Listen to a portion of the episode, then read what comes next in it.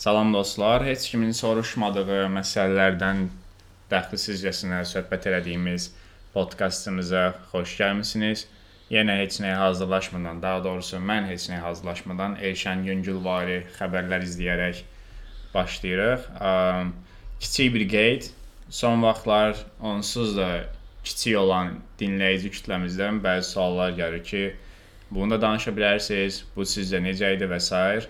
Dostlar, soruşmayın, çünki bizim podkastın konsepti odur ki, heç kimin soruşmadığı mövzulardan danışırıq, amma biraz da elə deyil əslində. Yenə də, siz konsepti pozursunuz belə. Yəni biz Çağınırmaq filmlərinin əksinə unpredictable olmağa çalışırıq. Mənim okay. də bir sualım var Məsud. E, kim soruşdu? Yəni gördüyünüz kimi tamamilə dəxilsiz və heç kimin soruşmadığı mövzudan danışır. Bunu Elşən belə soruşmayıbmış. Yəni bu o deməkdir ki, artıq ə, başlaya bilərik. Ənənəvi Elşən sualını verdiyinə görə. Bəli, bəli. Bu gün də kim soruşdu zarafatımızı etdiyimizə görə ə, bu həftənin mövzularına girə bilərik. Bu həftə həddindən artıq skandallı bir həftə oldu. Drama çörəkdir. Eynən bu bu həftə baba çörəyi yedik. Drama bizim də biraz çörək ağzımızda.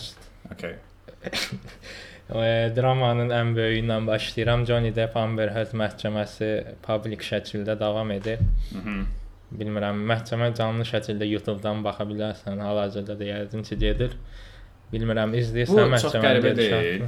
İzləyə bilmirəm açığı, çünki bilirsən necə izləmirəm? Prinsipial olaraq izləmirəm. İnsanların privacy, yəni ki, ə, yəni bu məhkəmə özəl bir şeydir və bunun gizliliyi qorunmalıdır deyə fikirləşirəm. Yəni bunun çox böyük böyük ehtimalla hüquqi əsasları falan var. Nəyə görə? PR olsun, insanlara təsir olsun falan filan bunu başa düşürəm. Amma bu belə olmamalıdır məncə. Xüsusilə Johnny Depp və Amber Heard-dən əlavə üçüncü aktyorların mesajlarını oxumaları daha kədərli idi. Hə, yəni bir biraz da Paul yəni... Bettany məsələn Johnny Depp bir 10 il ərzində yazdığı bütün e-mailləri oxuyublar adam kokaindən düş tutmuş. Amber Heard-i yandıraq falan deyib. Onlar hamısı oxuyublar. Paul Bettany bizim bildiyimiz kral. Ə, bu arada Paul Bettany çox super aktyordur, çox ləzzət eləyir. Onun bir dənə filmi var, hansı ki orada məşhur Russell Crowe-la bir yerdədir, Masters and Commanders. Bu çox underrated filmdir. Çox tövsiyə edirəm. Yəni əgər ə, xüsusilə də medieval film, medieval deyil əslində, amma yəni belə coğrafi kəşflərin tez-tez baş verdiyi və epik filmdir. Aysa okay. bu terminidir, epik filmdir. Ümumiyyətlə məhkəmədə ən maraqlı olan, hətta tək maraqlı olan şey Johnny Deppin vəkillərlə mədələnməyi oldu. Editləri var belə Johnny. Aha, gördüm onları. Ona baxdım. Ona çox güldüm bu. Johnny mən də nə qədər dəstək var idisə məhkəmədə daha da çox dəstək almağa davam elədi. Yəni mən hələ də ə, bu ümumiyyətlə insanların Proses. bu qədər bunu izləyib skandala çevirməsini əslində bir cəhətdən başa düşürəm, çünki burada Johnny Depp edilmiş böyük bir haqsızlıq var. Bəli. Ə, Jack amma Sparrow. Hə, amma bu yəni anlaya bilmirəm. Yəni bu YouTube-da bunun tamamilə canlı izlənməsi biraz mənə distopik də gəlir əslində. Çünki artıq biz o qədər şeyləri normallaşdırmışıq dünyada. Artıq e, məş buna davamlı şikayət eləyir ulduzlar, onların özəl həyatının Aha. nə qədər olmadığı, ən çox şikayət etdikləri bir şeydir deyə. Burada da ağlımıza yəni, Spider-Man gəlir. Tobey Maguire. Bəli, Tobey Maguire kameralara atdığı baxışlarla Hollywoodun edə bilmədiyi şey. Amma mən çox təqdir edirəm Johnny Deppin hal-hazırdakı duruşunu.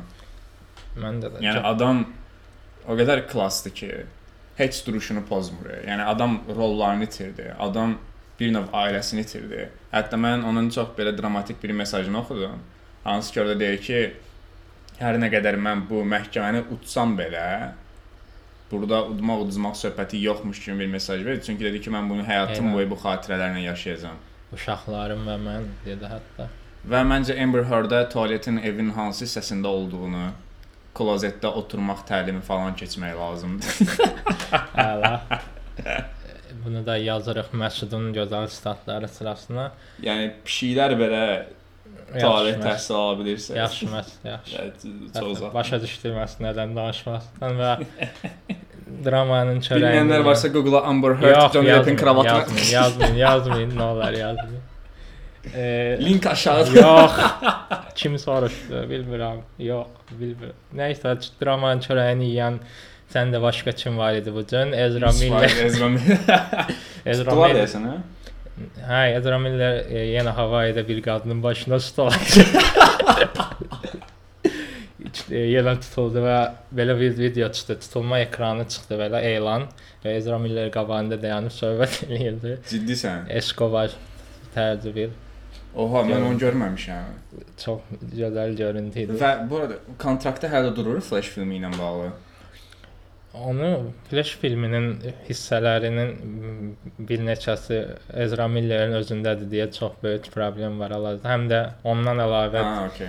bir şey də var ki, DC Flash filmini əsas məqsədi refresh eləmək idi də, bütün silib yenidən yaratmaq idi. Ona görə məncə özlərini sıxdılar ki, biraz bəlkə sakitləşər, amma hər ay kiminsə başına stol atmağa davam eləsə Havayı vətəndaşlarının üsyanın qalxmasına çox az Bir qaldı də təsadüfə bax, e, həm Amber Heard, həm də ki Ezra Miller DC-də də hazırda. Bəli. DC sanki elə bir, yəni DC deməyim, daha doğrusu Warner Bros-da. Eynən, heç DC də deyə bilərik. DC filmlərində. Yəni, yəni DC-ni bir növ Warner Bros idarə edir də, Marvel O da necə düzdür. Disney-dir. Ona görə sanki bir növ heç ümumiyyətlə maraqlı deyil, amma eyni zamanda Johnny Depp rolunu itirir. Hətta başqa kim Barry Keoghan da bu yaxınlarda o çox ciddi değildi amma onu da Kim? Barry Keoghan, O kimdir? Joker. Aa, bu təzə Joker. Ha. Okay. Onun da e, İrlandiyada e, public drunk olduğuna görə e, apardılar. Biz bro, İrlandiyada da yəni public Yəni- drunk olarsan da, yəni burada heç bir şey 20 yox. prosta onu nəsə elədiyinə görə yox kiməsə zərər verməsin deyə 24 saat saxlayıb buraxdılar. Ha, okay. Fair enough. Yəni başqa dramadan çox bir şey qalmadı əslində. Bir dəqiqə, kimsə drunk olanda kimsə zərər verməsin deyə Nəsə adı var, toksik, nə bilim nə. Yəqin ki, Okay. səssiz çıxarıb ya yıxılıb eləyir. Özündə Ha, o da metod aktyorluq edir. Ha, Joker eləyir, eləyir. eləyirmiş. Üzr istəyirəm. Edələmir məncə, amma yəni. E, başqa yeni treylerlər var. Thor Love and Thunder treyleri. Thorun treylerinin özünü qoyaq qırağa. Bu məşhur mahnıları sample eləyirlər, treylerlara falan və özlərini çox da Taika Waititi də. Niyə mahnının ən epik hissəsinə mahnını kəsib, aranjman remix edib, sonra mahnının epik hissəsini təzədən bir də başladılar. Ona fokuslanmaqdan oradakı Sweet Sweet Child O' Mine idi də, Guns N'. Roses. Mahnını o qədər kəsiblər ki, belə qəribə-qəribə yerlərdə treylerə fokuslana bilmədim. Sən mənə nəyi xatırladı? Bir dənə edit var idi məşhur e, Rocky filmində Eye of the Tiger-ın başlanğıcını qoyurlar amma girişə heç vaxt qoymurlar. E, dım dım deyə girir. Oxumasam da başa düşərdiniz amma 24 saatda 309 milyon baxış. Açığı mən şey bəyəndim ki, ə, deyəsən son vaxtlar yeganə Marvel filmlərindən biri idi ki, kino haqqında hər şeyi vermədi. Bir çox şey verdi, bəli, amma hər şeyi vermədi. Mən çünki son vaxtda Marvel filmlərinin treylerlərinə baxanda bütün kinoya baxmış oluram. Amma bir şey də var ki, bəlkə də verəcək heç nələri yox. Ümid edirəm elə deyil. Biraz Thorun yenə komedik tərəfinə toxunulduğunu gördük sanki. Hə, komiks fanboyları yenə qızışıb o cəhətdən. But mənim vecimə belə deyil, çünki Taika Nəyə Waititi görə vecimizə deyil? Müxtəlif adaptasiyaları sevirik. Mən müxtəlif Yaxşı adaptasiyalar demişkən Reddit-də bir dənə video gördüm. Batman'in bu son Batman'in treylerini Adam West'in Batman'i treyler kimi eləyiblər. Görsən fərqli adaptasiya. O kino çıxsa gedib baxaram. Ola bilər. 60-cı illər tərzində Batman filmi bu dəqiqə müasir formatda çəkilsə, 60 idi də West, 60, 70. 69 olmalıdır. Hə, 60-70-dən əvvəl falan. Qaça-qaça gedib baxaram. E, çox super idi. Mən açıq Batman olan hər şeyə baxıram deyə qərar verəmədim, amma, Hə, amma yəqin ki baxaram. Tora Marvel'ın komiks fanboyları şeydilər belə. Thor müqəddəs tanrı, güclü, baltalar. Amma mən də ondan əlavə Thor Ragnarok biraz çox ucuz zarafatları olan film idi deyə. Ucuz zarafat onsuz da Marvel'ın problemidir yəni. Onu Biri var anlayıram. ucuz zarafat edəsən, biri var ucuz zarafat üzərinə kino qurasan, eyni şey deyil amma. Kinonun özünü müzakirə edə bilərik. Amma Marvel fanboylarının əsas Mar- arqumenti, daha doğrusu sorry, Thor- Marvel fanboy ilə Thor başlayan cümlələri ciddiyə almamağa çalışıram. Bu arada e, treylerlə bağlı ən diqqət çəkən şeylərdən biri Natalie Portmanı Mighty Thor olaraq gördük.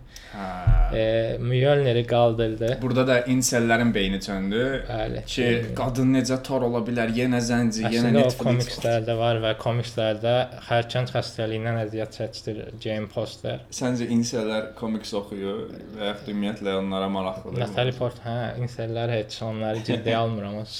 Yəni Alt-right faşistlər yenə Natalie tökülüşdülər. Portman təzə Mjolnir'i qaldırmadı. Həm də bizim gözləntilərimizi qaldırdı. Nəyə güldüm bilmirəm. Mən də hərçənd xəstələrinə diqqət çəkilməsi üçün İnsellərlə zarafat elədimi 1 dəqiqə. Bəli. Mən xəyal gözləntilərin qaldırılmasından danışıram. Hamının gözləntilərini qaldırdı. Bəli. Nəysə davam eləməmək üçün Minecraft-ın filmi çəkilir və baş rolda kim var? Jason Momoa. Nə? Niyə? Yəqin ki, voice actor olaraq var deyə təxmin edirəm. o, o açıq aydındır da onsuz da təsəvvür. Jason Momoa'nı kubik formasına gətirəsi deyildilər ki. Olsa qəşəng olmazdı. Hə, ha, mən elə təsəvvür edim. Əslində ona görə biraz qəribə oldu. Kubik şəklində film görmək istəyirəm has. Bu arada Minecraft-ın kinosu olsa çox super olar. Çünki Minecraft-ın ə, hal-hazırda bilirəm o YouTube YouTuberların falan temasına görə Minecraft biraz uşaq məsələsi kimi ə, görülür, amma 11 yaşlı Minecraft-ın o YouTuber. şey hissəsi yadında ə, minalarla qatarlar falan düzəldirsən belə orada o ə, Minecraftda elektriklə insanlar falan real şəhərin eynisini oyuna çəkir. və kreativ modda getmir söhbət, söhbət survival modda. Minecraft-ın ümumiyyətlə verdiyi kreativlik, o sonsuz imagination, Bəli, hətta bəli. bilmirəm bunu nə qədər çox adam bilir ya yox, amma Skandinaviyada dərslərdə belə Minecraft keçirirlər, əlavə bir dərs olaraq.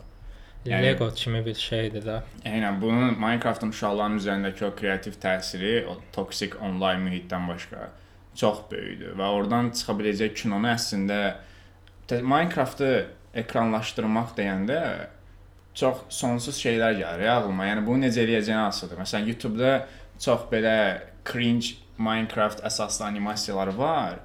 Amma onlar Minecraft-ın əsas məsələsini, konseptini itiriblər. Çünki Minecraft-ın əsas konsepti İndi kreativlikdir. itirməyəcəklərinə əminik bəs.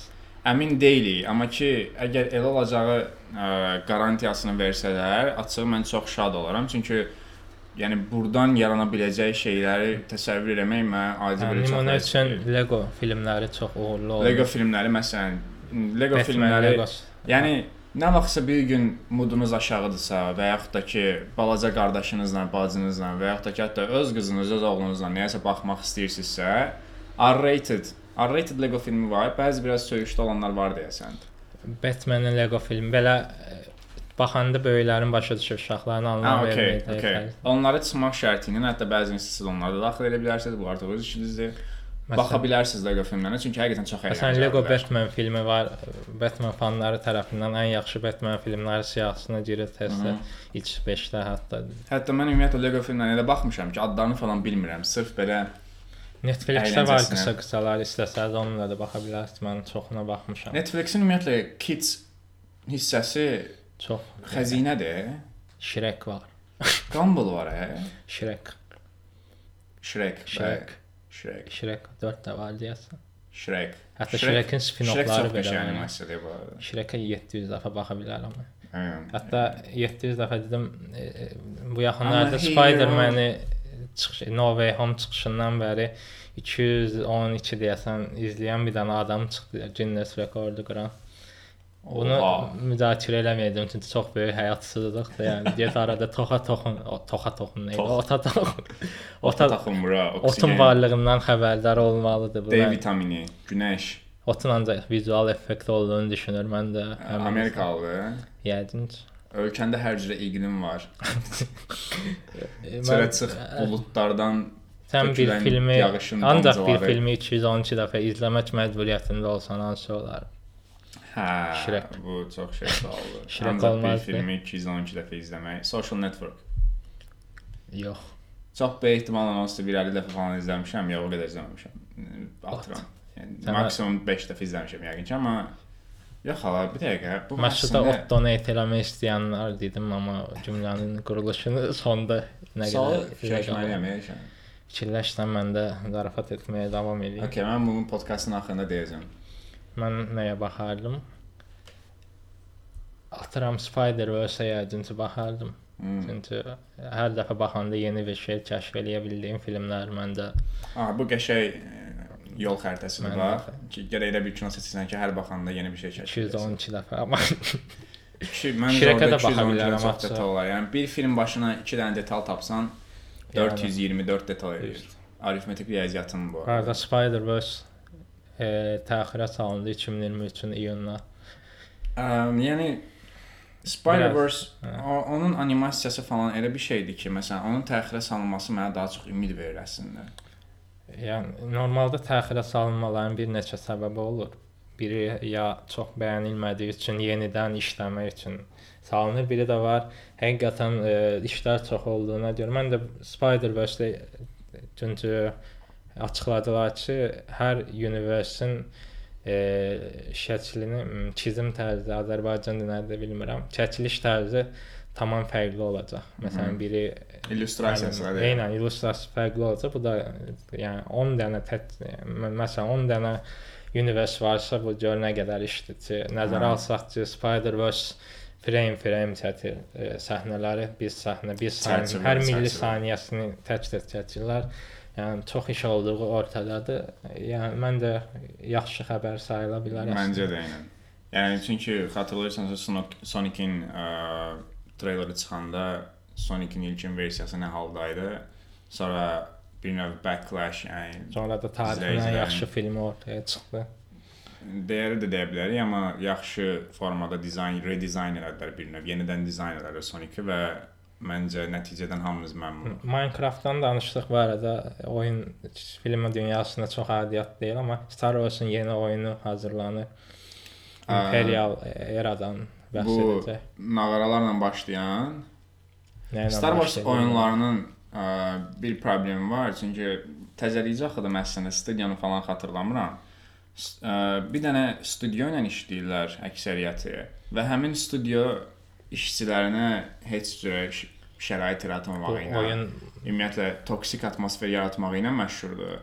Və davamlı olaraq həmin işçilər, developerlar falan işdən ayrılırlar və bu işçi dəyişikliyinin bu reytinqini çox artırır. oyun şirkətlərinin çox böyük əksəriyyətində var olan problemdir bu. Star Wars-da daha ekstrem formada. Olar. Məsələn, orada Olar. hətta ə, bu son treyleri çıxan oyunun oyunun özü olmadan, yəni oyunun heç bir hissəsi olmadan, oyunun hazırlanmasına başlamadan treyleri çıxmışdı və eləmirəmsə 2029 falan filan bunun üçün nəzərdə tutulub.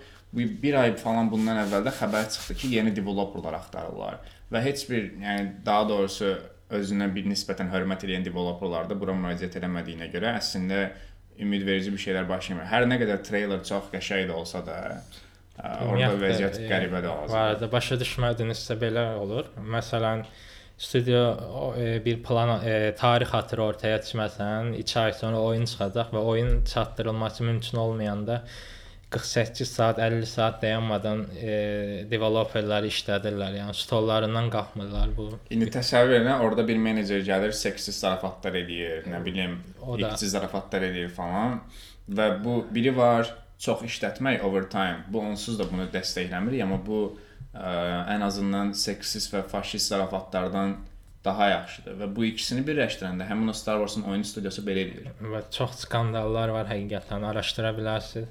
Ümumiyyətlə gamer dünyasında bu oyunların hazırlanmasında falan vəziyyətlər çox qəribədir, amma davamlı olaraq oyun oynaya bilmədiyim Ona üçün görə şey də daha çox da mən e, sərvət 5-6 nəfərin hazırladığı oyunları Əslində çox bu indie geyimlərin, yəni ki, müstəqil hazırlanmış geyimlərin, oyunların belə son vaxtlar çox sürətlə yayılmasının səbəblərindən biri də o da bəlkə də.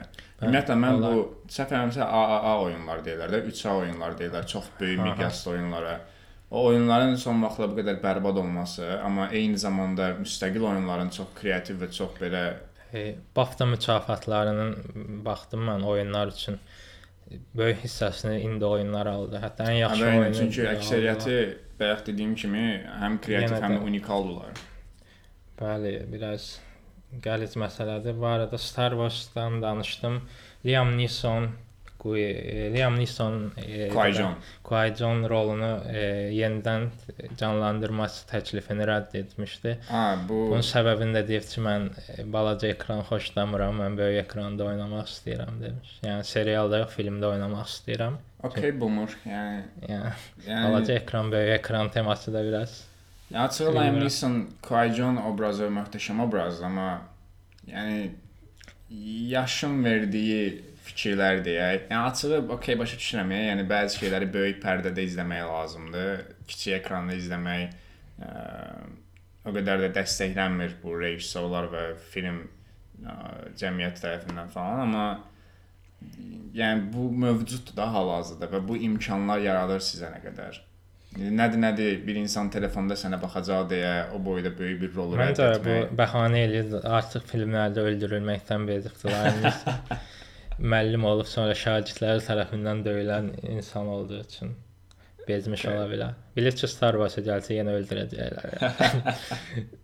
Amma onsuz da qayıtsaydı çox böyük ehtimal ə, bunlarda ruh forması var Star Wars-da. Bilmirəm bilirsən ya yox. Amma bəzi kinonların sonunda da ruh formasında Jedi-lar görünür. Aha. yəni. Çox böyük ehtimal onsuz da o formada qayıdacaqdı. Çünki Yəni. Obi-Wan da artıq Qui-Gon ölüb. o da qəşəng şeydir. Sırf ölüləri oynatmaq üçün. Yox, onun bir yolu var əslində. Jedi-lar xüsusi bir şey eləyib elə ölə bilirlər. Yəni hər Jedi elə ölmür amma. Yəni bu çox detallı mövzudur. O qədər də detallı deyil əslində. Yəni burada ə, Detal odur ki, ölə Adi bilmirlər. riyaziyyat eləmirik amma.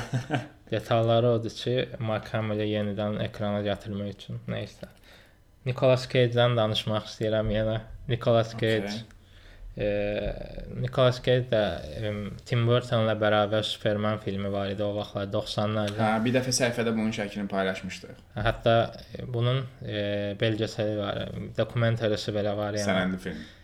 Eynən, sənədli filmi də var ki, niyə film alınmadı deyə 1 saat yarımlıq var olmayan film haqqında. Nəyə görəymiş?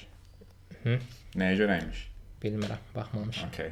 Baxas bilərəm amma nə vaxtsa.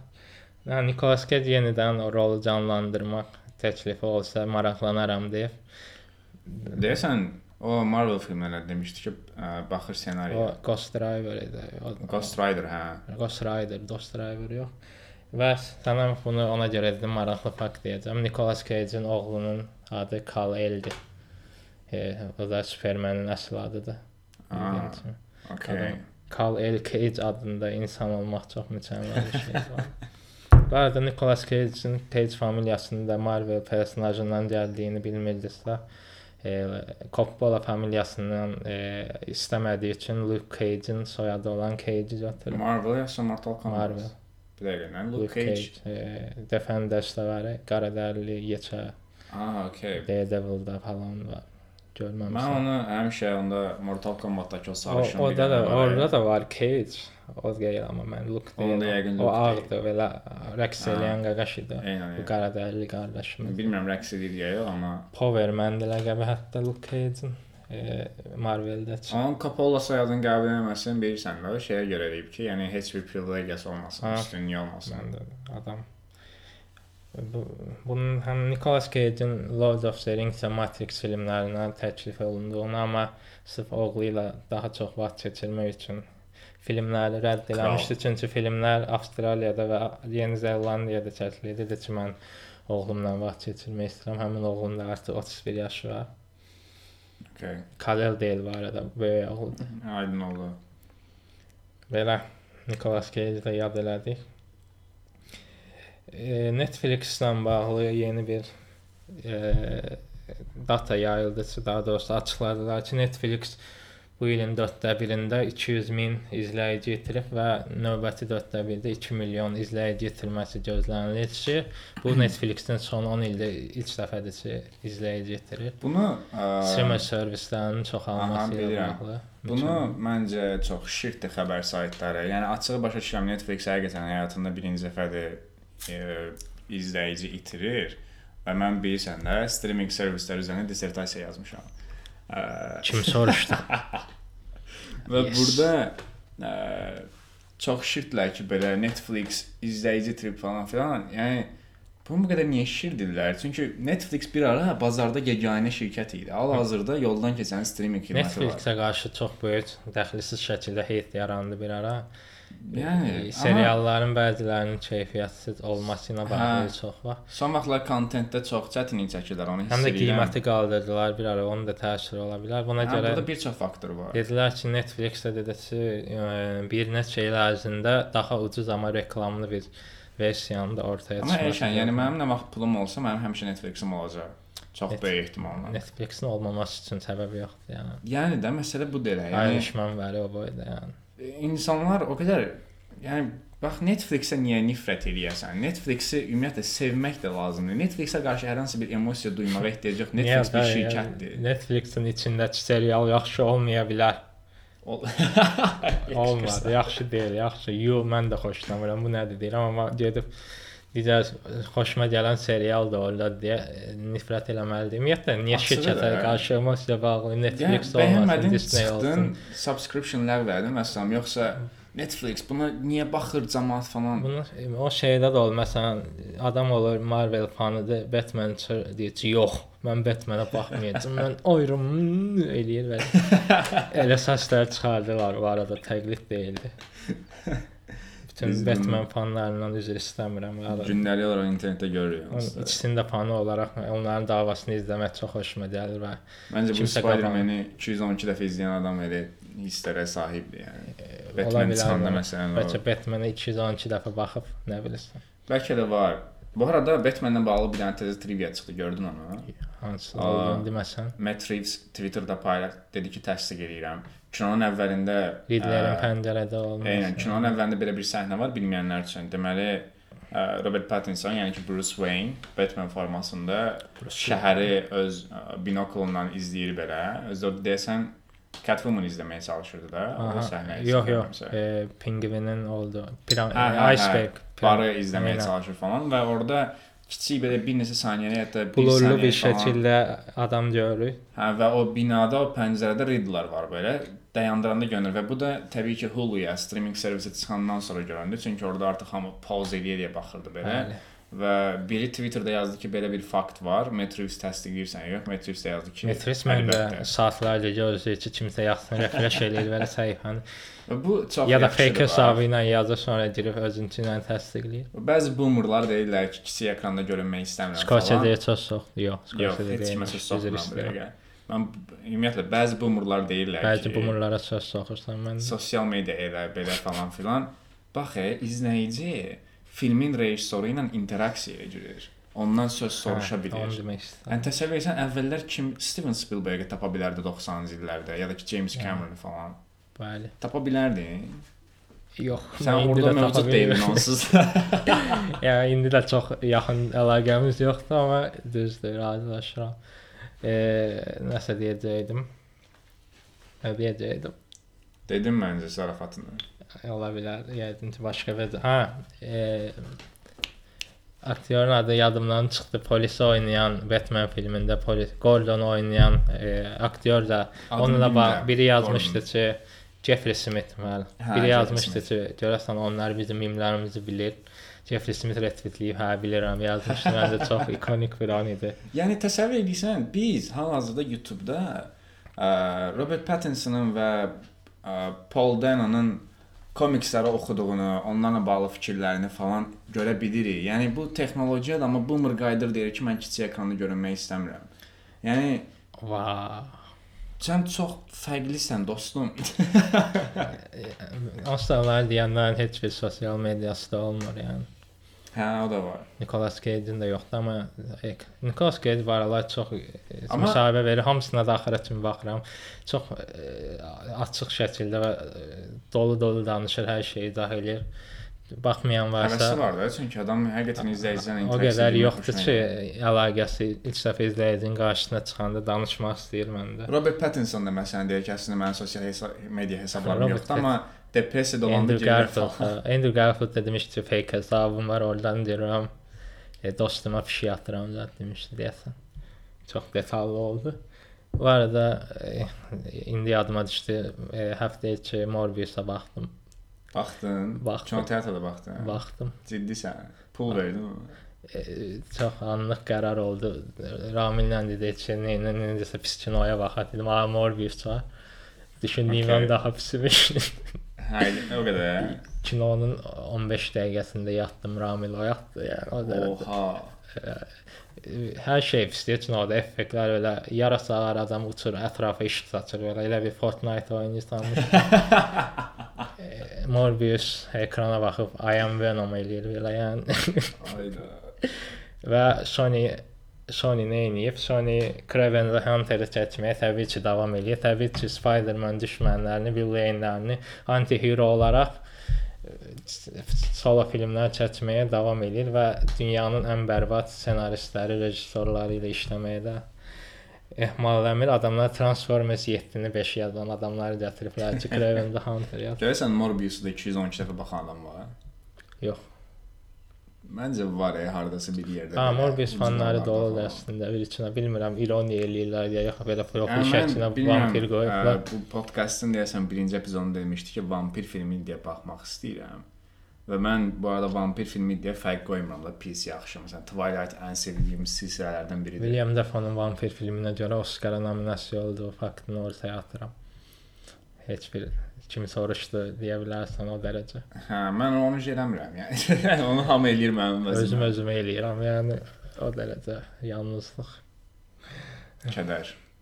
Lightyear treyleri çıxdı. Birbaşa şənli mövzuya deyirəm. Hə, teaserdən sonra treyler də çıxdı. Onu görməmişəm amma. E, hətta treylerə Chris Evans və Taika Aa, Waititi-nin memlərini baxdım. gördüm, hə.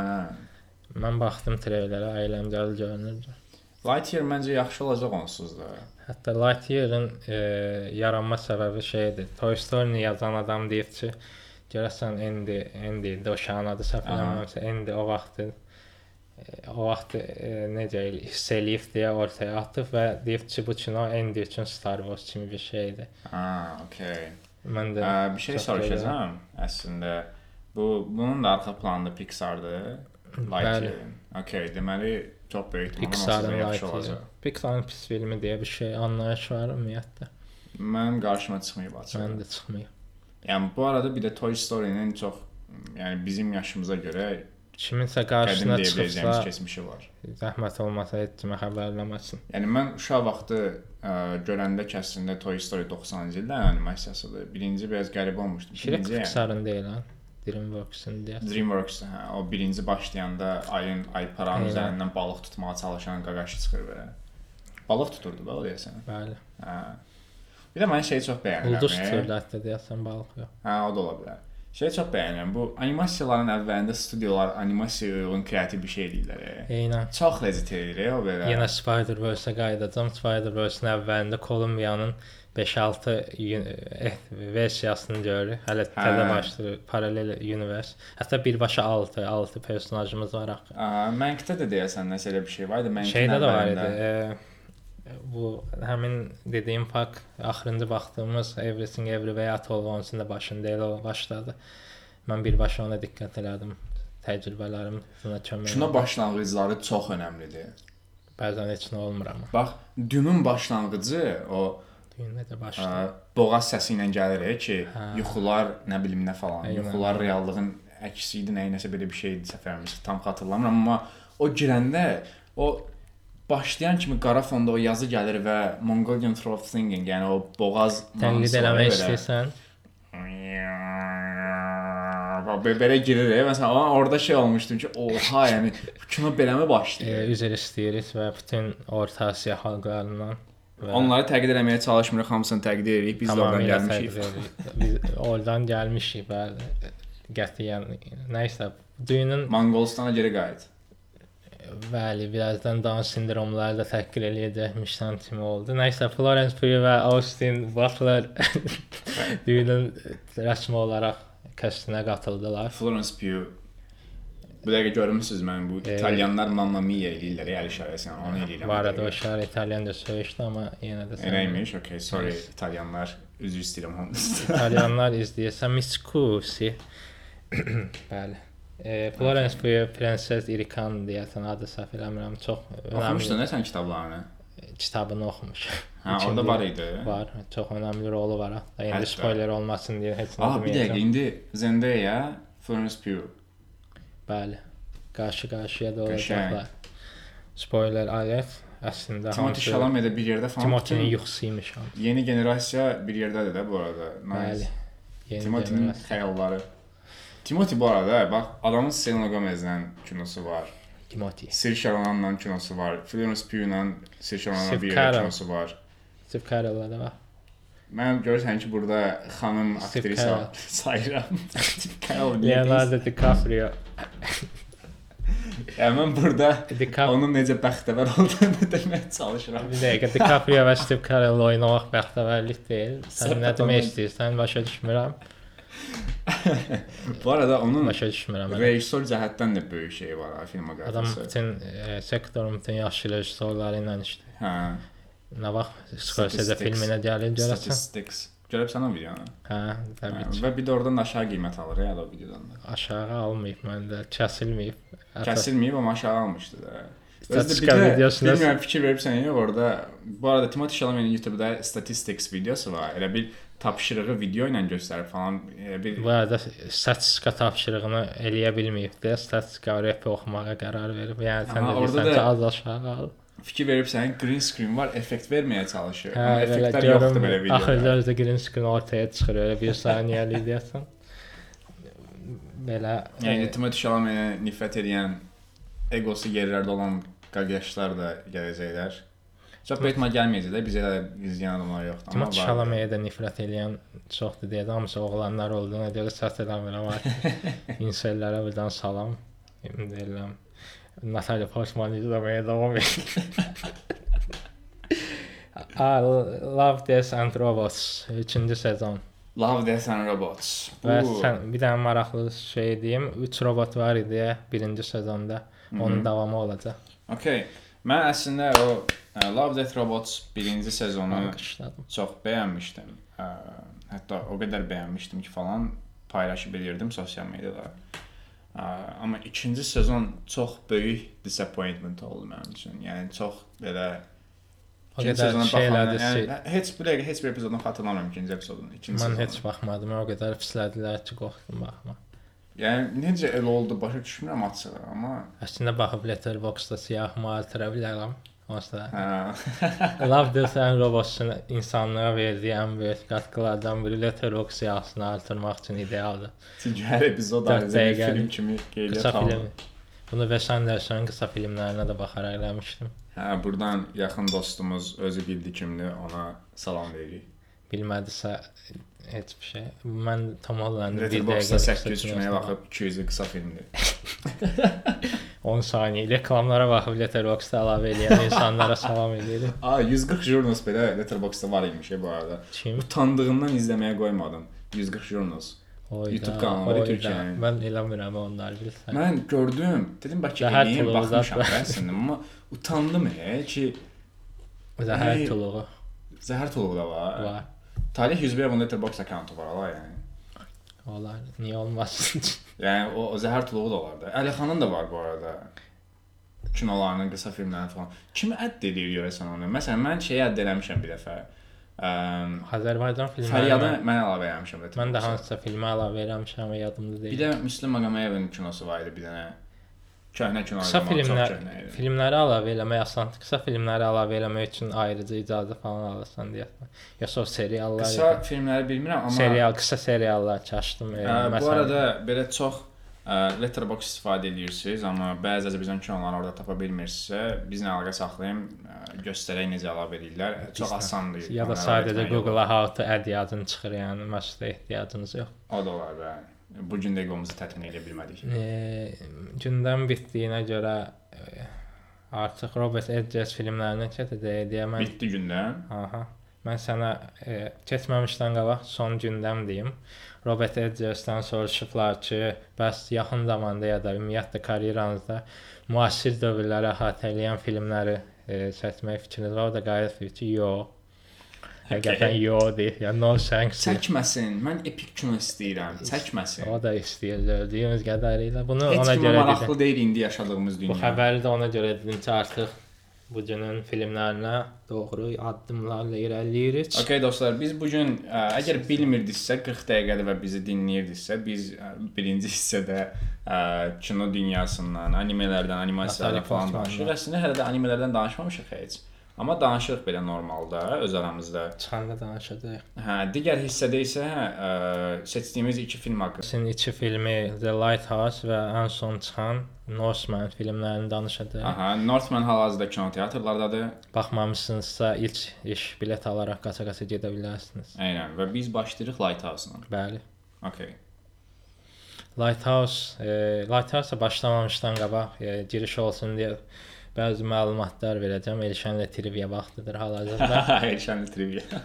e, Lighthouse-un hekayəsi real hadisələrdən ilhamlanmış, e, ilhamlanıb bir növ belə ki, o vaxt səhv eləmirəmsə yəqin ki, Skandinaviyada e, bir insan e, iki insan daha doğrusu iki dost bir fənərdə Lighthouse-da işləyirlərmiş. Bir gün e, Mayak deyək də. amma- Mayak da mayakda işləyirlər. Bir gün amma e, digəri bunu bastırmır ki, bastırsam elə biləcəklər ki, mən öldürüb gizlətmişəm.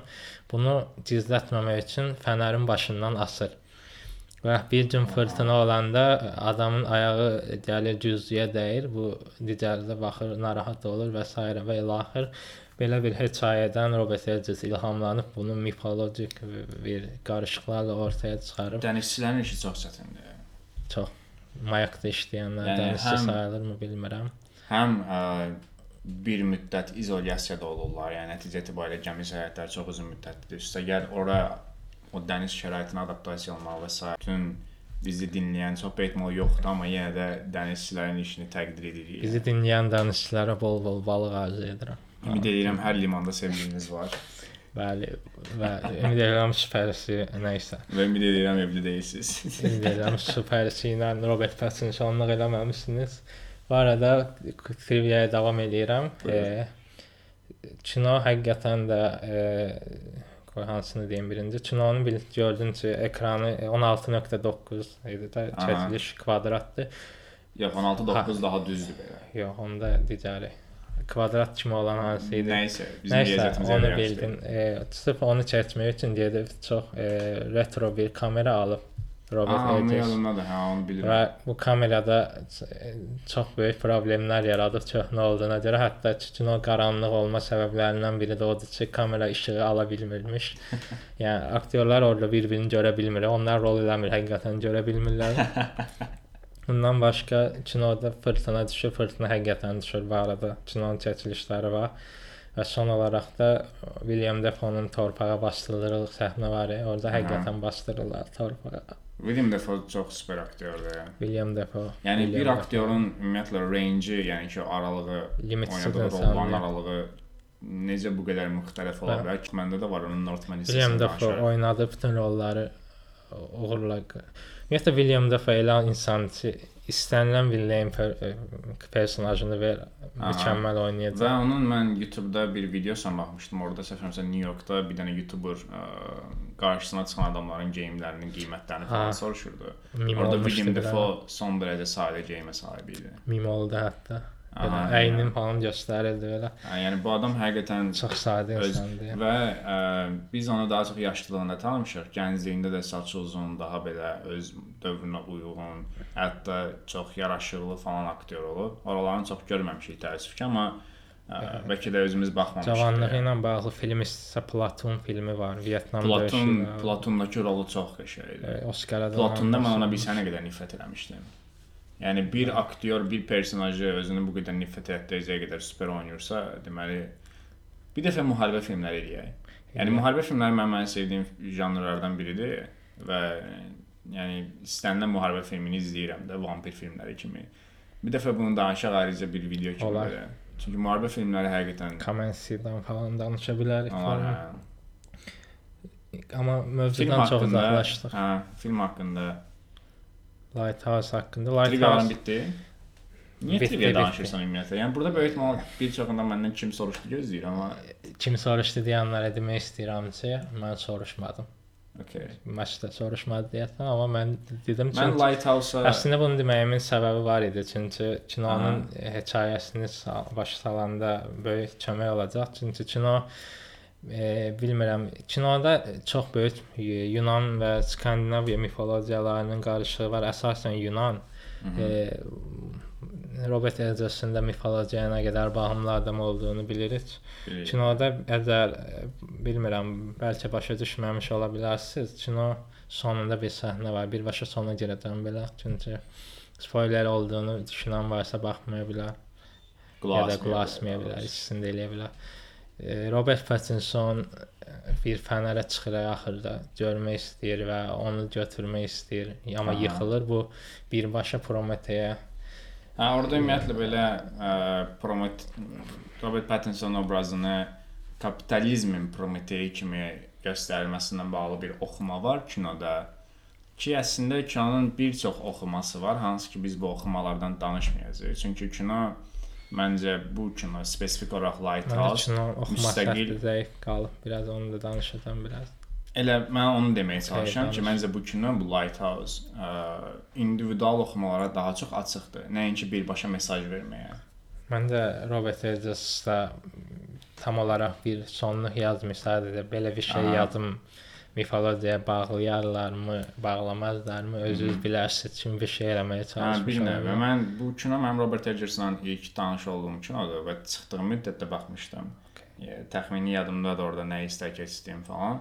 Kino mənə ümumiyyətlə öz yəni bu biz bundan əvvəlki epizodda Everything Everywhere All at Once haqqında demişdik ki, bəzi kinolar var ki, həqiqətən 10 ildə bir gəlir, bəlkə də 20 ildə bir və bunlar həqiqətən böyük bir kino hadisəsinə çevrilir. Lighthouse da o tipdə kinolardan biri idi, çünki belə unikal, belə nadirən görə biləcəyimiz vizuallıqda və Çox- ssenariyə sahib kinolar çox ildə çox azdır. underrated qalan filmlərdəndir. Və bu qədər minimalizm, bu qədər fərqli tərz, bu qədər baxmadım. aktyorluq, bu qədər şey etmək, adam həqiqətən mayakda çəkib kino. bəli. Yəni bunlar çox önəmli çəkməyən- faktorlardır. Fırtınada film çəkmək yəni nə qədər asan da ola bilər, çətin ola bilər, təxmin edə bilmirəm. Və aktyorluğu da mütləq təqdir etmək lazımdır. Çünki Robert Pattinson açığı ondan əvvəl də yaxşı rollar olmasına baxmayaraq Lighthouse-dan bir yerdə əslində onun nə qədər yaxşı bir aktyor olduğu mainstream mediada məşhur oldu. Ümumiyyətlə kinoda cəmi 2 aktyor var, hətta bir deyə saymasa. bilərik. William Dafoe və Robert Pattinson. William Dafoe zaten aktyorluğu təqdir olunurdu. Mən də yəni bir kinoda 2 aktyorun yük daşıması çox həm aktyorlar üçün, həm film üçün ağır olan bir şeydir. Çünki normalda supporting aktor kinonun baş rolu daşımağa kömək edən aktyor kimi tanınır. Burada ikisi bir yerdə kinonu daşımağa çalışırlar. Aha. Bir, bir dənə qız superisi var idi. Əlavə rol deyəsən. Hə, o super superisi ilə bağlı ə, bu yaxınlarda bir xəbər çıxdı Northman filmindən əvvəl. Anya Taylor-Johnsonla intervyu ediblər və Anya Taylor-Johnson deyib ki, mən əslində Lighthouse filmində rol almaq istəyirdim. Robert Eggers də deyib ki, ümumiyyətlə belə bir, yəni sənə verə biləcəyimiz rol yoxdur. Anya Taylor-Johnson da ondan soruşdu ki, mən oradakı superisi də olaram da. Robert Eggers də deyib ki, olmasan yaxşıdır. Məncə olmamalısan deyir. Səndə Yəni- olmalı idi. Kaş olardı, amma əslində Robert Eggersin də nəyə görə belə fikirləşdiyini başa düşürük yəni. Məndə Anya Pattinson da itaş olardı demiş ola bilər bu suala. O, o da olar.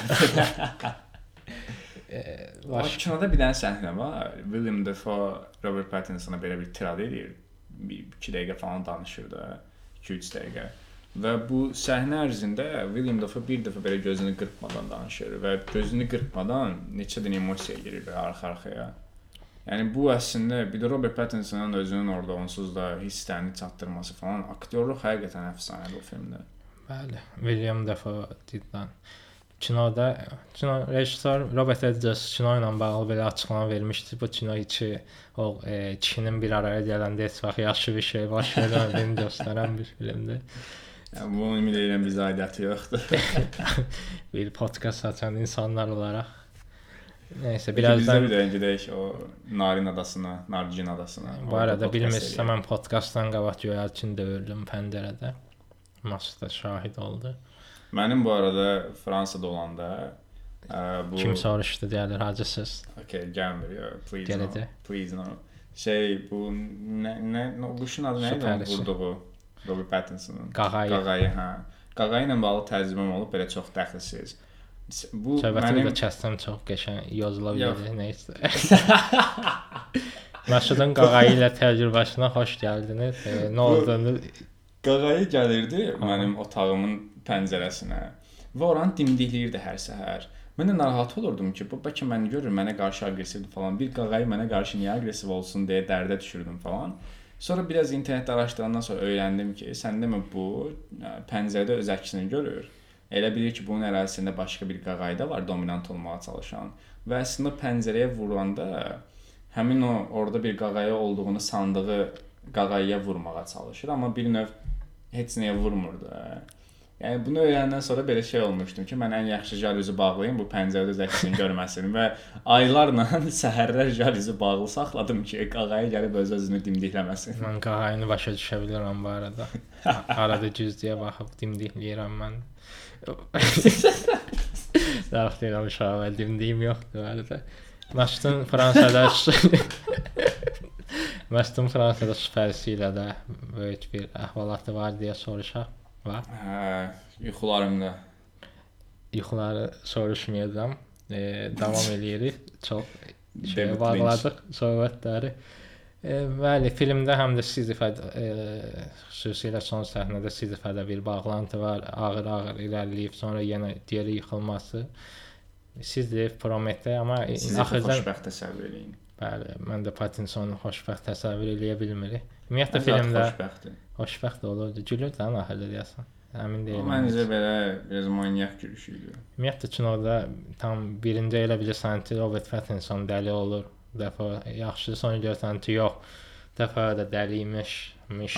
Yoxsa dəfənin dəli olması artıq Mən başlayan başlayanda əvvəlindən Robert Pattinson tuturam. dəfənin dəli olmadı 5 kino saya bilərsən ya da 2 kino. American Psycho-da dəli deyil. Düzdür.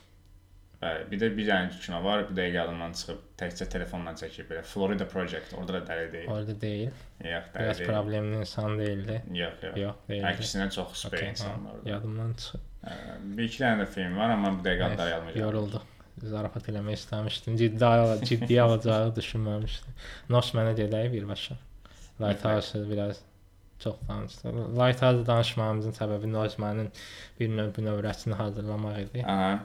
Northman filmi, yəni mənim bu ümumiyyətlə 2002 2022-ci il kinolar barədə deyəsən 2022-ci il kinolar barədə çox belə şanslı il olacaqmış kimi görünür.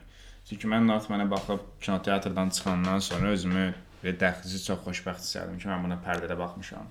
Və kinonun başlanğıcı da elə başlanğıcıdır ki, onsuz da birbaşa adamı öz kreslosuna belə yapışdırır da bir növ ki, sən artıq bir səyahətdəsən və otur izlə bunu. Başqa da heç nəyə fokuslanma. Və kino boyu elə səhnələr oldu ki, mən bir ara öz nəfəsimi nəfəs almadığımı hiss elədim belə. Və bu əslində kino bu podkastımızın ortasında qeyd etdiyim başlanğıc məsələsi var. Ki, Dune-da bunu təzəlikcə ən çox hiss eləmişdim. Bu kinoda da elə bir şey var. Kino elə başlayır ki, zaten bir skandinav şeiri ilə başlayır səhv eləmirəmsə, Eynən. mifoloji şeiri ilə. Və yeri gəlmişkən kino da Hamlet adaptasiyasıdır əslində, Shakespeare-in Hamlet adaptasiyası. Hətta Hamlet adaptasiyası deməyim, Hamlet- Hamletin yaranmasına səbəb olan hekayənin vizuallaşdırılmasıdır. Bəli. Personajın adı zaten Hamletdir. Aha. Və mən bunu bilmirdim. Sonradan kinoda Hamlet sözünü eşidəndən sonra və kinonun axırı, axanın axışının ə, Hamletin axışına uyğunlaşdığını gördükdən sonra dedim ki, okey, burada nəsə bir əlaqə var və baxdım gördüm ki, əslində birbaşa oradan imiş bəli. Ha, Ə, Tamam. və buna görə də biz rahatlıqla deyə bilərik ki, Lion King-dən sonra hazırlanmış ən yaxşı bir növ Hamlet adaptasiyasıdır bu film. Hətta mən birbaşa Lion King-in qorxulu versiyası da deyə bilərik filmə. Hə, onsuz kinoteatra Eşənlə bir yerdə baxmışdıq kinoya. Eşən ə, kino bitən kimi bunu demişdi belə və mən də orada qayıb demişdim ki, hə, adı da Hamletdir falan. Yəni o qədər uzaq idi rəsmən. Sonra da məşhur çıxandan sonra bir viking kimi gəzməyə davam elədi yarım saat boyunca. Kinonun bu arada kinoteatrdan çıxandan sonra Eşənə dedim ki, mən burada bir şey gördüm, amma bunu podkastda danışacağam. Ə, bilmirəm sən ona baxıbsan ya, Parajanovun filmlərindən tanışsan? Ə, Yox. bu Amma biraz bilirəm amma. Parajanovun filmləri belə ə, still image deyirlər ona, belə sabit kadr, belə deyə bilərik məncə. Sabit kadrlar var Parajanov filmlərində və sabit kadrlarda cüzi dəyişikliklər, hərəkətlər olur və bu rəsm əsəri kimi görünür. Northman-da da elə o qədər səhnə var ki, başlanğıcından tutmuş axırına qədər birdən-birə close-up səhnələr olur. Belə sadəcə kameraya baxırlar Aha. personajlar və orada çox cüzi sadəcə otluq falan dəyişir. Hətta bir səhnə var, ə, Amlet gəncliyində Ukraynaya gedirlər və orada qətliam törədirlər. Orada qayıq sürdükləri səhnə yadında. Qıraqda 2 dənə yaşıl ot var və qayıq hamısı bir yerdə koreografik hərəkət eləyə-eləyə çayın ortasından Hə, keçir. yadımdadır. Məsələn, sabit kadrdır. Hər şey səhnədə sabitdir. Sadəcə cüzi bir hərəkət var, o da qayıqdır. Və orada hücuma hazırlaşırlar. Bu Parajanovun təsiri, bəlkə də bilmirəm Robert Eggers burada nə qədər Parajanovdan ilhamlanıb və yaxud ümumiyyətlə Parajanovla tanışdımı? Çox ehtimal tanışdı, amma bunu dəqiq deyə bilmirik də.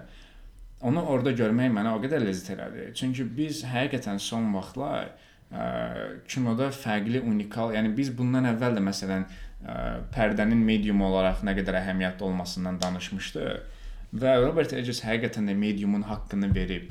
Yəni bu film telefonda hər nə qədər bayaq xanım Boomer söhbət eləsək də, telefonda izləniləndə pərdədə izləniləcək qədər həzzə heç yaxınlaşa bilməz verəcəyi təsir. Bəli. Və həmin o sabit kadrlar, yəni mən istəyirdim ki, hətta Şəkil film tamamilə belə davam eləsin. Ha. Və həmin o qayıq səhnəsindən sonra da ə, orada bir one shot səhnə var, hansı ki Amlet ə, o nizəni götürdüyü səhnədən etibarən bu qaladan nizə nizə deyirlər də ona. Nizə, ha. Nizə atırlar. Bu nizəni tutur, qaytarır Ukraynalılara. Və orada bir dənə səfərimizə one shot idi də o səhnə. Amlet girir qaladan içəri, orada qabağına çıxan hər kəsi kəsir, kamera evin qırağından tərpənir, orada Eynən. ağlaşmada olan insanları, nə bilim əzab görən, izdirab çəkən insanları göstərir. Biz burada Amletin soyuqqanlığını görürük falan. O qədər möhtəşəm kinematografiya var idi ki filmdə. Yəni filmi sən bir izləyicisən və şəhərin içində gəzəsənmiş kimi bir hava qatırır. Və bax eynən o səhnədə biz ə, həmin Ukraynalıların həm necə yaşadığını görürük. Əslində orada Ukrayna anlayışı yoxdur, çünki kino biraz qədim 8 Amma 9-cu Ukraynada əsr var, falandır, hə. amma səhnə hə Ukraynada çəkilir. Ə, Bu bir növ bizlə də əslində bizim tariximizdən də oxşardır. Xatırlayırsansa tarixdə 10-cu əsrdə Slavyanların Azərbaycanda yürüyüşü falan filan oxşar mövzularda qayıqla gəlib Bərdəni məhv edirlər falan. Necə? Don Kazaklar da var deyəsən. Hə, eynən. Görsən necə oxşardır əslində və həmin əsrlərə təsadüf eləyir zaten filmdə də. Ə, 10-cu orada- əsrdir bu arada. Hə, 10-cu 9-cu əsr idi səhv eləmirəmsə. eynən. 950-lərdən sonradır. Hə, Baxdım. 944 idi də Bərdədə deyəsən. Hə, deyəsən. Aha. Ə, bu ümumiyyətlə bu hücum səhnəsi ki, mən hal-hazırda filmin bir növ başlanğıcını keçmişəm, başlanğıcına yenə qayıdaraq. Ə, Amletin o qayıqla getdiyi, oradakı yaşadığı emosiyalar, döyüşə hazırlıq proseslərini xatırlayırsan, necə hazırlaşırlar Eynən. falan. O şaman orada bir dənə belə nə deyirlər, ritual, şaman ritualı var idi. Həm ə, bu vikinglərin, viking deyə biləcəyim əslində bunlar səfərimizə İslandiyaya köçməklə falan viking bağlı, amma vikinglər. Skandinaviyalılardır. Onların rituallarını görürük.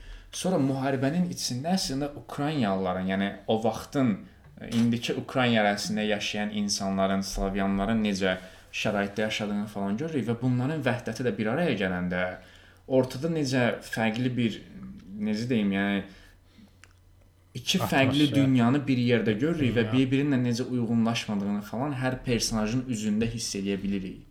Bəli, bu arada e, söhbət unudulmamış o həmin Nicəni tutub atdığı səhnə e, bir Skandinav tarixi hadisəsinin e, hekayəsi, bilmirəm tam olaraq realdır yoxsa, amma çox məşhur Skandinav hekayəsinin eynisidir. Hətta o Nizəni atdığı Nizəni tutub atdığı səhnə həqiqətən məş bizdəki necə də Qorqud Çoroğlu kimi onlardır. Və ümumiyyətlə kinonun üm- biz çox hakim olmadığımız üçün yəqin ki tuta bilmədik, amma Skandinaviya tarixi və mifologiya, mifologiyasını qırağa qoyum, tarixi ilə çox çox əlaqəsi var. Hətta o sonda ə, hökmdarların ə, haqqında çoxlu məqalələr var, tarixlərlə bunu qeyd edeyim. Hə, və ə, bu film də Lighthouse kimi on location çəkilib. Yəni həqiqətən ərazidə Bəli. çəkiblər bu filmi. E, Ukraynaya gediblər, e, İslandiyaya gediblər və s. Və bu məncə bu Parajonovdan həqiqətən Robert Eggers əsinlənib. Parajonovdan orada- e, ilhamlana bilər çünki mən Mən oxudum Andrey Rublev filmindən. Yəni həqiqətən o Bjork Bjorkun bir səhnəsi var idi. O witch cadı Hə. ə, orada Amletə təv məsləhətlər verdiyi bir səhnə var. E, biz close up görürük. Defonun başı olan. Yox, ə, Bjorku o cadını da close up hə, görürük. Belə bir dənə. Hə, hə, bildim. kilsəyə oxşar bir dua o edilən bir yerdə görürük. O səhnənin eynisi rəngli formatda Aşıq Qəribdə də var. Orada da bir Azərbaycanlı var. Ə, səfərimsə evlilik səhnəsi idi, amma tam xatırlamıram. Eyni üslubda geyim, gözləri biraz rəngli falan, hətta bağlı idi deyəsən falan. Mən o səhnəni görəndə dedim ki, biz bunu Kinoda filmlərdə paralellik kimi paylaşa bilərik hətta. Sadəcə gözləyirəm ki, köməyə çıxsın. Yəni daha doğrusu internetə düşsün film. Aa, pirat. Bu arada e, rejissor açıqlamalarını oxudum. Andrey Rublev filmindən, Tarkovskinin Andrey Rublev filmindən hansısa bir e, epik bir filmin qarşılığı olduğunu deyib. Yəni zarafatla deyib biraz amma mən yəqin ki Tarkovski deyibsə, Yəni epik filmləri həqiqətən acıq bu arada. Mən ə, bu metal paltarlarda bir-birlərini parçalayan kişiləri görmək adama necə ləzzət eləyir. bir-birini parçalayan şeyi- kişiləri görmək məsələ zövq verir uşaqlar. Sənin də zövqündür. Last Duel-da da Mən də də oxşar. verir. Yəni bu epik filmlər həqiqətən epik çəkiləndə çox möhtəşəm effekt verir. Bu arada bunu da faktı deyim, William Dafoe'dan bayaq danışdıq. William Dafoe'nun tərpənməyən kəlləsi Hollywoodun yarısından daha yaxşı aktyor oldu. Bir daha sübut elədi. Bu arada bu filmdə yenə indi mən də birbaşa mifologiya ilə olan çox gözəl bağlantılar var idi. Məsələn, bayaq dedim ya, Yggdrasil. Heç onlar birbaşa bağlantılardan əlavə əlində William Dafoe'nun kəlləsini tutması, məsələn, Odinin Mimir'in başı ilə gəlməsi, Mimir'in hər şeyi bilməsi, sonra axırda şey gəlir. Volkirlər gəlir. Hə. Volkirlərin başında məsələn şey var, bir quş Dişlərində olanlar da. Eynən, bir quş simvolu var. O quş simvolu əslində mifologiyada da Volkirlərin onların bir növü olduğu çıxır və s. Ümumiyyətlə çox dərin mifoloji bağlantılar görmək olurdu. Hə, və bu şey məsələsi də var idi. Məsələn, filmdə yəni adətən belə dəhşətli dərəcədə vizuala fokuslanan filmlərdə personaj dərinliyini çox görə bilmirik. Bu filmdə amma görürük hər şeyi. Yəni o, personaj ə, inkişafı deyilən bir şey var ya ki, hansı character development. Aha. Bunu kinonun əvvəlindən etibarən görürük ki, Amlet necə formalaşır. Həm ailəsindən münasibəti, həm uşaqlıqdan bunun boynuna qoyulan məsuliyyət, ondan əlavə bir gənc olaraq necə formalaşdığı, bir qadınla əlaqə qurmağın onu necə dəyişdiyi, ən sonda isə ümumiyyətlə Anası ilə olan bir ara intiqam anasından in- intiqam anası.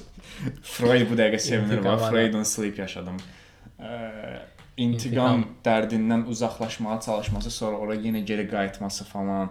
Bu detalları görmək o qədər mənə ləzzət eləyirdi ki, çünki həm vizual olaraq həzz alırdım filmdən, həm də ki ssenarini həqiqətən izləyirdim. E, mənə maraqlı gəlirdi ki, bundan sonrakı səhnələrdə, bundan sonrakı hadisələrdə nələr baş verəcək. Məsələn, Parajonovda mənə bu maraqlı gəlmirdi heç vaxt, çünki Parajonovda həqiqətən indi o Parajonov onsuz da onu istəmirdi yəni. Parajon olsa Artalsın dibidir. Yəni ümumiyyətlə Robert Eggers-lə bağlı bir şey dedim. Bu iki filmin ikisində də hiss olundu. Lovecraftian horror tərzinə çox toxunduğunu hiss eləmişdim. Baxdım həqiqətən də özlədiyi fikrimə. Həqiqətən e, kinolarda Lovecraftian olduğunu görə bilir. Lovecraftian janrını bilmirsə, e, Amerikalı yazıcı Lovecraftın yazdığı H.P. Lovecraft. kozmik e, qorxu növüdür. Daha çox e, su və ya kozmik mifolojik varlıqlarla bağlı bir Aha. janrdır. Bunu Yəni- Lighthouse-da daha çox hiss olunur, amma burada da bir növ e, dənizin üstündə qaçır və ya suyun üstündə qaça-qaça Hə. gedirlər falan. Və bu bu indi dedin ki, biraz fantastik elementləri falan. Filmin janrlarından biri fantaziyadır, amma fantaziya əslində biraz reallığa Hormonlar reallıq bünövrəsi qoyulub. Çünki ə, bu son dövrdə yaranan tarixi araşdırmalar falan göstərir ki, həm bu qədim türk tarixində, həm Skandinaviyada falan şamanların mövcudluğu və onların mistik görünməsinin səbəbi əslində ə, psixodelik və bu narkotik vasitələrdən istifadədir. O vaxtlar insanlar bunların təbii ki, açıq-aydın kimya maddələrdən xəbərdar deyildilər deyə ki, bu filmdə də var. Göbələklər olsun, digər Yəni, otlar göbələk. olsun və s. şamanlar bunlardan başı çıxırdı və bunlardan düzgün istifadə eləyirdi və nəticə etibarilə şamanın yanında olan insanlar fərqli-fərqli şeylər, fərqli təcrübələr yaşayırlar. Bu da istərsəməz orada bir mistik atmosfer və böyük inam yaradırdı o inandıqları dinə qarşı. Və biz bu filmdə həmin prosesi çox aydınlığından görürük. Bilirsən harda? Bu Ethan Hawke-la, ə, yəni köhnə kralla və indi kinonun əvvəlinə qayıtdıq. Amletin bir səhnəsi var, e, hansı ki William Defoe'nun yanına gedirlər şamanın yanına. Orada Okay.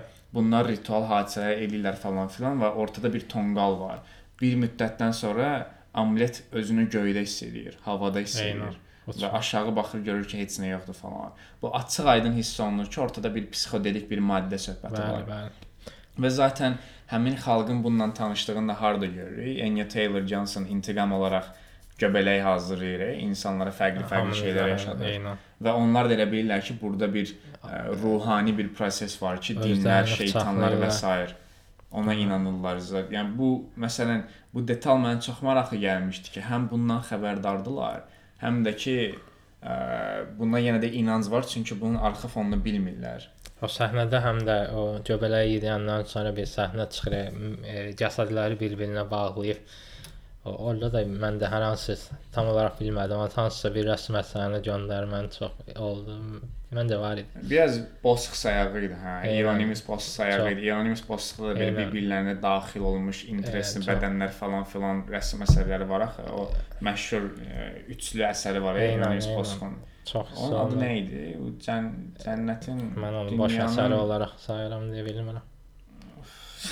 Əsəbləşməmək istəyirəm. Hamı inanır ki, sən eləmə. adın. Yox, mən zarafat eləmirdim bax. ya. Boş əsər deyəndə mən- boş əsər demək istəyirdim sən. Okay. Elə belə Sən zarafat mi qəbul edirəm ki, sən zarafat eləməyə çalışmırdın? Zarafat eləsəydim hiss eləyərdim. Bu arada sən fikir vermişdin də kino teatrda. Podkastda danışacağıq deyə mən kinonun yarısına qədər qeyd götürürdüm belə. Bir Hə, yerdən gör. sonra o qədər kinoya daldım ki, qeyd götürməyə dayandırdım. Mən birində elə bilirdim, danışsan əsəbləşdim hətta. Sonra gördüm ki, yox, nəsə yazırsan. Hə, qeyd götürməyə çalışırdım belə. Bir yerdən sonra dedim ki, yox, ey, bu buna qeyd lazım deyil. Bu onsuz da hər kadr Həm də yadımda da hal-hazırda. Saniyəni itirmək də önəmli. Döyüş səhnələrini təqdir eləyək, realist. Eləyək məndə. Xüsusilə döyüş səhnələrini-? Həm realist. Həm qeyri-realist, həm realist idi. İndi bax bunu etmədi. Star Wars-a belə o qədər göndərmə. Star Wars-dan ilhamlanan epik kino görmək necə istəyir? Nə mənada, harda necə? E, Star Wars-un e, lavaların içində döyüş səhnəsi. Hə. Arada Orada bir dənə arxa həqiqətən fona Star Duel of Fates olsa. Həqiqətən Star hə? Wars ilham bəli. Mən orada yadımda bir dənə zarafat elədim ki, High ground. Yeah, high ground söhbəti. Mən bunu oxudum bir yerdə. Tam Amma yəni deyiləm. bax ciddən də magma vulkanlar və iki dənə adam bir-birindən döyüşür. Çox super deyil. yəni də və Çox əladır. və yaralıdılar ikisi də. Və Yəni lazer olsa yoxdur. çox həzz verir adama. Çox mükəmməl. Bilirsən ki, ikisi də öləcək, oradan çıxa bilməyəcək. Amma də Hə. ondan qabaq. Yəni çox qəşəng. Və də Hə, kinonun da əvvəlində. Lion King dedim. Kinonun əvvəlində Ethan Hawke-la həqiqətən Lion King oldular bir ara. Lion canavar oldular, amma mən onu Lion King olaraq qəbul etmək istəyirəm. Haydi başa düşdü. Au. O münasibətləri çox yaxşı göstərmir səncə də? Hansı Yəni? Biz məsəl üçün kinonun əvvəlindən etibarən Amlet qayıdır deyir ki, mən atamın intiqamını alacağam, mən anamı xilas edəcəm. Və bir yerə gəlirik, görürük ki, anası əslində hal-hazırda xoşbəxtdir. Yəni sənin nəsə etməyə Yəni, ehtiyacın özünə motivasiya- olmanın səbəbini də görürük. Özünə motivasiya seçdiyi şeyin ə, o qədər yaxşı bir şey olmadığını başa düşür əslində. Bir Hə. növ orada bütün onun üçün həyatın mənasını deyək də bir növ çaş-baş qaldığını da çox rahat hiss eləyə bilirik. Aha.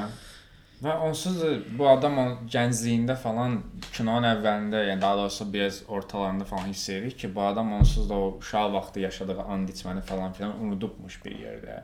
Sadəcə ora bu Bjork'un oynadığı cadı gələndən sonra Witch orada hiss edirik ki, buna bir növ xatırlatma olur ki, bəs sənin bir böyük bir ə, qayən var da bu dünyada.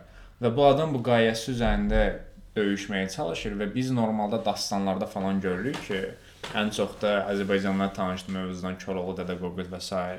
Böyük qayə mövcuddur və böyük qayə üzərində çox çalışmaqla axırda yaxşı sonluq olur və s. Bu kino konkret onun əksini göstərir ki, sənin anan öz atandan xoşbəxt deyildi əzizim. Yəni sənin böyük qayənin yarısı boşluqdur. Bəli. Yəni bunun realistikliyi mənim o qədər çox xoşuma gəldi ki, insanların bu bu ən çox da son vaxtlar çıxan ə, optimist kinolar var, e, hansı ki, dastan kimi çəkilir. Hətta bu bir dənə animasiyada da söhbəti getmişdi, səhifədə də paylaşmışdıq ki, indiki Marvel filmləri, indiki dünyanın mifologiyasıdır və s. və onlarda ə, böyük güc, böyük məsuliyyət gətirir. Nə bilim bu kimi mövzular falan. Bunun əslində mövcud olmaması bunun reallığı, bunun o adamın Amletin özünə təsiri, orada yaşadığı emosiyalar, orada anasını öldürə bilməməsi, amma sonradan bunu üstələyib anasını öldürməsi, yəni bu həyatın mürəkkəbliyini göstərir. Biz həmişə görürük ki, sadə bir şey var, sadə bir qayə var, hədəf var və personaj birdən etibar kinonun əvvəlindən etibarən sonuna qədər bunun üzərində çalışır. Bağlı qalır, bəli. Amma biz burada görürük ki, böyük qayə kinonun axırlarına yaxın çökür. Amma personaj bunu üstələyir və sonlandırır filmi. Hətta kinonun e, tam olaraq əvvəli, ortalarında o e, əmisi oğlu da artıq əmisi oğlu ya da öcəy qardaşı deyim, onun qorumaq üçün kimlənsə davaya girir. Orada da məsələn hələ ki qayəni tam olaraq ailəni qorumağa çalışır bir nöqtəyə qədər. Ki, Aha. hətta son səhnədə belə anasının ölüsünü gəlir sığallayır, Hə. qardaşını sığallayır. Yəni bu şeydir də, məsəl üçün bu konkret üstələməkdir. Bax, hər nə qədər anası onun xəyallarındakı kimi olmasa da, indiki yaşında nə? Family. Eləmə də. Nəysə. Sonra oradan qədər- çıxır belə Dwayne Johnson çıxır deyir ki, family Mahnının maşına adı nə idi? yadımda deyil. Sonra atın üstünə minib gedir. Brie Larson falan gəlir. Nəysə. ə, o qədər şey olduğunu, məsələn, xəyallarındakı kimi olmadığını görsəydə, məsələn, mən indi dedim ki, bu üzləşir bu reallıqla və bunu üstələdiyi prosesini də görürük. Üzləşdiyini ən çox bilsən elə harda hiss edirik? Sən vurğuladığın kimi. Gedir anasının o nəşrin üzərində onun üzünü falan təmizləyir belə. Aha. Bu konkret öpür. sözün əsl mənasında üzləşmədir. Bəli. Və hətta o bir ara öz ə, qayğılarından falan qurtulur, ögey qardaşını xilas edir bir növ. O şey idman səhnəsi var ya, Hə, orada özünü bildim, risk atır və s.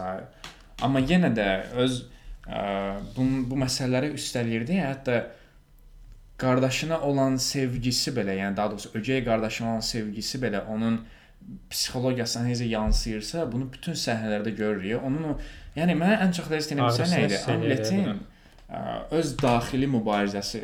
Eynən hiss eləyirik bunu və ağrısını yaşadı, bütün daxili çatışmanı görürük. Interstellar-ın əsas ə, bir dənə çatdırmaq istədiyi mesaj var ya ki, sevgi bütün kainatlara ki, transcend eləyir də, yəni keçir deyə bilərik. Deyə bilərsən. Deyə bilərik. Sevgi bütün Sevgi kainatlardan üstələyir də bir növ. Eynən. Biz burada bir insanın ə, həyatında sevginin necə rol oynaya biləcəyini də görürük. Amulet necə dəyişir bir yerdən sonra. Artıq öz xəyalların, daha doğrusu öz hədəflərindən əlavə kimliyini yaradan başqa bir şey də var. Sevdiyi qadın və gələcək uşaqları. Bəli. Və hətta onsuz da Amulet bu ə, atasının intiqamını falan filan almaqdan uzaqlaşmışdı. Sadəcə olaraq o uşağını qorumağa çalışır. Eynən. Orada görürsən necə dəyişir bütün kinonun ssenarisi və personajın dəyişir, hədəfləri, eynən. motivasiyası eynən. Orada hiss eləyir ki, bir anlıq bəs mən indi gedib o intiqamımı almasam, mənim uşaqlarımın həyatı yaxşı olmayacaq. Batman'ın son səhnəsi. Bəli. Bütün göndərmələri saymalıyıq. və bundan ötürü gedir özünü qurban verir. Nə qədər yaralı vəziyyətdə falan da Bəli. olsa. Bəli. Yəni həm bax kinonun həm vizuallığını təriflədik, həm ssenarisinin dərinliyini bir şey təriflədik. tərifli. Alexander Skarsgård'ın performansını. Möhtəşəm aktyorluğu. Duruşu ilə aktyorluq eləyə biləcək ə, performansları çox sevirəm. Heç nə demir, heç nə eləmir, sadəcə kameraya qarşı durub baxır və biz heyran oluruq. Yəni bu still imagelər, samit kadrlar, samit nə? Sabit kadrların Şamil kadrlar. gücünü hiss elədik də bu filmdə həqiqətən. Bəli. Yəni mən ə, bilmirəm bu il bunun kimi yenə bir unikal bir, nə bilim, belə bir təcrübə yaşayacağıq yoxsa yox. Ümid edirəm yaşayarıq ki, əslində onu proqnoz eləyirəm ki, indi gələcək kinolarda Robert falan yaşayacağıq. yaşadığı müddətcə daha çox görə bilərik. Robert Eggers. Robert Eggers bir növ trilogiyasını bitirdi də. Witch, Lighthouse və bu. Trilogiyası idi. Deyil, amma biz buna trilogiya deyə bilərik məncə. Üçə baxmamışam deyə əmin deyiləm. Oxşar mövzular, oxşar ə, Ola bilər. kinematografiya falan. Oxşar mifologiya. Ümid edirəm bu da ə, Chloe Zhao kimi gedib yenə Marvel filmi çəkməz. Amma Əslində Marvel Thor-u çəkilmişəm. Thor-u verirlər Skandinaviya. Açıq mən Taika Waititi-ni bəyənirəm yəni. Taika Waititi də yumor adamdır veriblər. Thor-u yəni neynəsin humoristik film çəkəcək yəni. Aha.